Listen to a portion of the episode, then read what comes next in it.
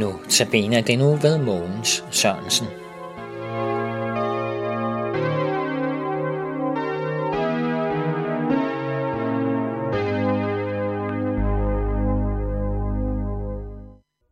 Vi har i denne uge haft temaet Hvem er kirken?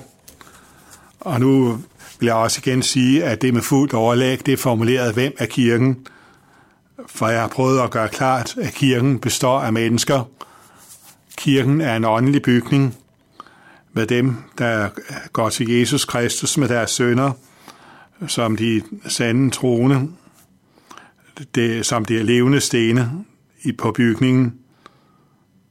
Og, og i går talte jeg om, at også i inderkredsen omkring Jesus, var der en Judas Iskariot, der hang mere ved penge end med Jesus, og derfor i virkeligheden ikke egentlig hørt med til kirken, men bare for en ydre betragtning var med, og i virkeligheden forrådte Jesus, da han ophøjede ham. Og, og, og, og vi skal lige høre et vers en gang til, som vi også hørte tidligere på ugen, hvor det hedder om kirken, at den er hans læme, fylden af ham, der skaber hele sin fylde i alle. Det er fra Paulus' brev til Efeserne, kapitel 1. Ja, der var en Iskar, Judas Iskariot, der solgte Jesus for penge. Og Judas så har der altid været i kirken. Og har kirken ofte været en magtkirke. Tænk da endelig bare på, at man for at få råd til at bygge Peterskirken, bildte mennesker ind, at de kunne købe sig frelse ved afladsbreve. Og ja, det er et godt eksempel. Og man ser, om vi på den måde er hurtige på vores lutherske grader til at kigge sydpå mod Rom, så må det bedrøvelse siges, at de protestantiske kirker ikke går ramt forbi. Lige fra den engelske reformation, hvor, hvor det ofte stod mere om værstlig magt end om troen, til den tyske kirkeslæften for naziregimet. Selvom vi her i Danmark undsager os pavestolen i 1536, så må det også, også siges, at ved enevældens indførelse med kongen som kirkens overhoved, var, tendensen til, at han blev ny pave temmelig udtalt. Også i dag er folkekirken præget af at være en magtkirke. Det må man se i øjnene. Vi må erkende, at der ofte snakkes mere om kristendom end om Jesus Kristus, hvilket er et faresignal. Men som jeg har prøvet at fremhæve, det er ikke anderledes end den første kirke, hvor det var de sande disciple, der var behæftet med fejl og skrøbeligheder, og så Judas Iskariot, hvis hjerte var langt fra Jesus og elskede pengene mere end ham. Og det var også sådan videre frem i apostlenes gerninger. Der opstår problemer i forbindelse med uddelingen til de fattige, så nogen må tage sig af det. Der udbrød på et tidspunkt en strid mellem Paulus og Barnabas, efter at Markus havde svigtet dem.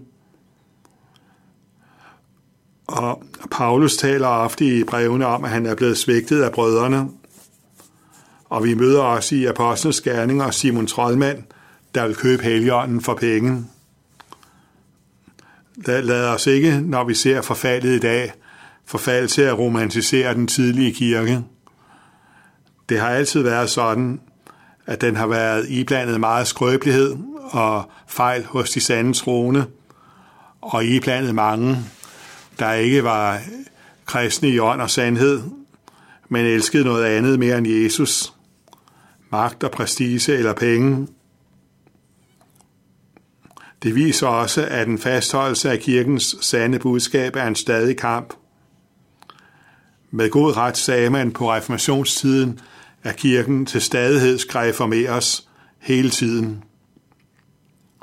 Trods alle fejlene og skrøbelighederne hos de sande troende, og trods alle judasserne, så lad os ikke glemme, at kirken på jorden også er en herlig ting. Alene af den grund, at Jesus Kristus selv er til stede i den, han er den hoved. Hvor vi er samlet om ham for at høre hans ord, der er han til stede. Det har han lovet. Der er han og åbenbarer sig for os, ligesom han gjorde det ved aldret i templet. Vi siger på dansk kirken om hele Kristi læme og menighed, om en lokal forsamling af Kristi læme. På græsk i det nye testamente bruges det samme ord om de to ting. Det viser et stort under, hvor der er en lokal afdeling af kirken, der er kirken i hele dens fylde. Ja, for Jesus er efter himmelfarten sted overalt med hele sin person. Han er ikke bundet til et sted. Han sender Helligånden til sin kirke overalt, og den er ikke stykkevis og delt. Men lad os slutte ugen her, hvor vi har snakket om, hvem kirken er, med at besinde os på, hvad der siges i vores trosbekendelse om kirken. En en hellig, almindelig kirke. Ja, det hedder, at den er hellig. Kan den være det, når jeg nu lige har sagt, at den altid er præget af skrøbelighed hos de sande troende og i blandet falske disciple? Ja, for de falske disciple hører ikke i ånd og sandhed med til kirken, og de sande disciple er, er hellige ikke i kraft af sig selv, men i kraft af, at de hører Jesus til. Når kirken så er et samfund af disse hellige, så indebærer det, at den også er hellig. Så siger vi, at den er almindelig. Denne formulering er ofte genstand for undren. Det er også et lidt intetsigende ord. Det har været en oversættelse, som man fandt fra det latinske begreb katolsk, men det tør vi jo ikke sige, fordi vi med det ord straks tænker på Romerkirken. Men egentlig betyder det universel, altomfattende. Og må ikke det var på tide, at vi reviderede oversættelsen af trosbekendelsen med et af disse ord, den universelle kirke. Det sker nok ikke. Traditioner er jo ikke så lette at bryde. At kirken er, for at nu bruge mit eget foreslået ord, universel, det vil sige, at den omfatter alle jordens folkeslag. Alle skal høre evangeliet, og som en frugt af det vil nogle af alle folkeslag høre med til kirken, blive sande troende. Men det betyder også, at kirken har hele fylden af Jesus Kristus og hans frelse betroet ved sin forkyndelse af sønderes forladelse. Ja, kirken er en stor gave, ikke fordi den er fejlfri, men på trods af fejlene. Fordi Jesus Kristus er dens hoved, og han er til stede i den. Det er her, vi sammen kan møde ham og vokse op til ham som vort hoved.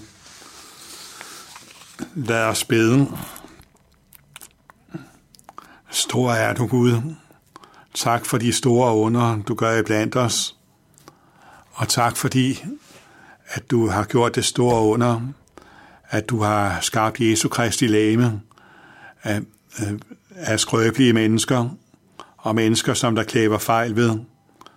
Tak fordi, at vi må tro, at på trods af alt det, som vi bærer rundt på, så får vi lov til at høre dig til og være en del af dit kirkesamfund.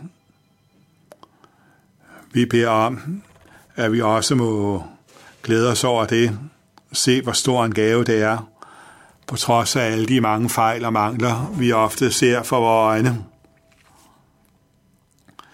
Vi beder dig om, at du vil holde alt falsk lærdom bort, og at du vil, vil, vil holde os fast ved det sande evangelium. Vi beder om, at du vil velsigne hver enkelt af os, der sidder her og lytter nu, og du vil være noget imod os. Vor far, du som er i himlene, helliget blive dit navn, komme dit rige, ske din vilje som i himlen, således også på jorden, og giv os i dag vores daglige brød, og forlad os vores skyld, som også vi forlader vores skyldnere, og led os ikke ind i fristelse, men fri os fra det onde, for dit er riget og magten og æren i evighed. Amen.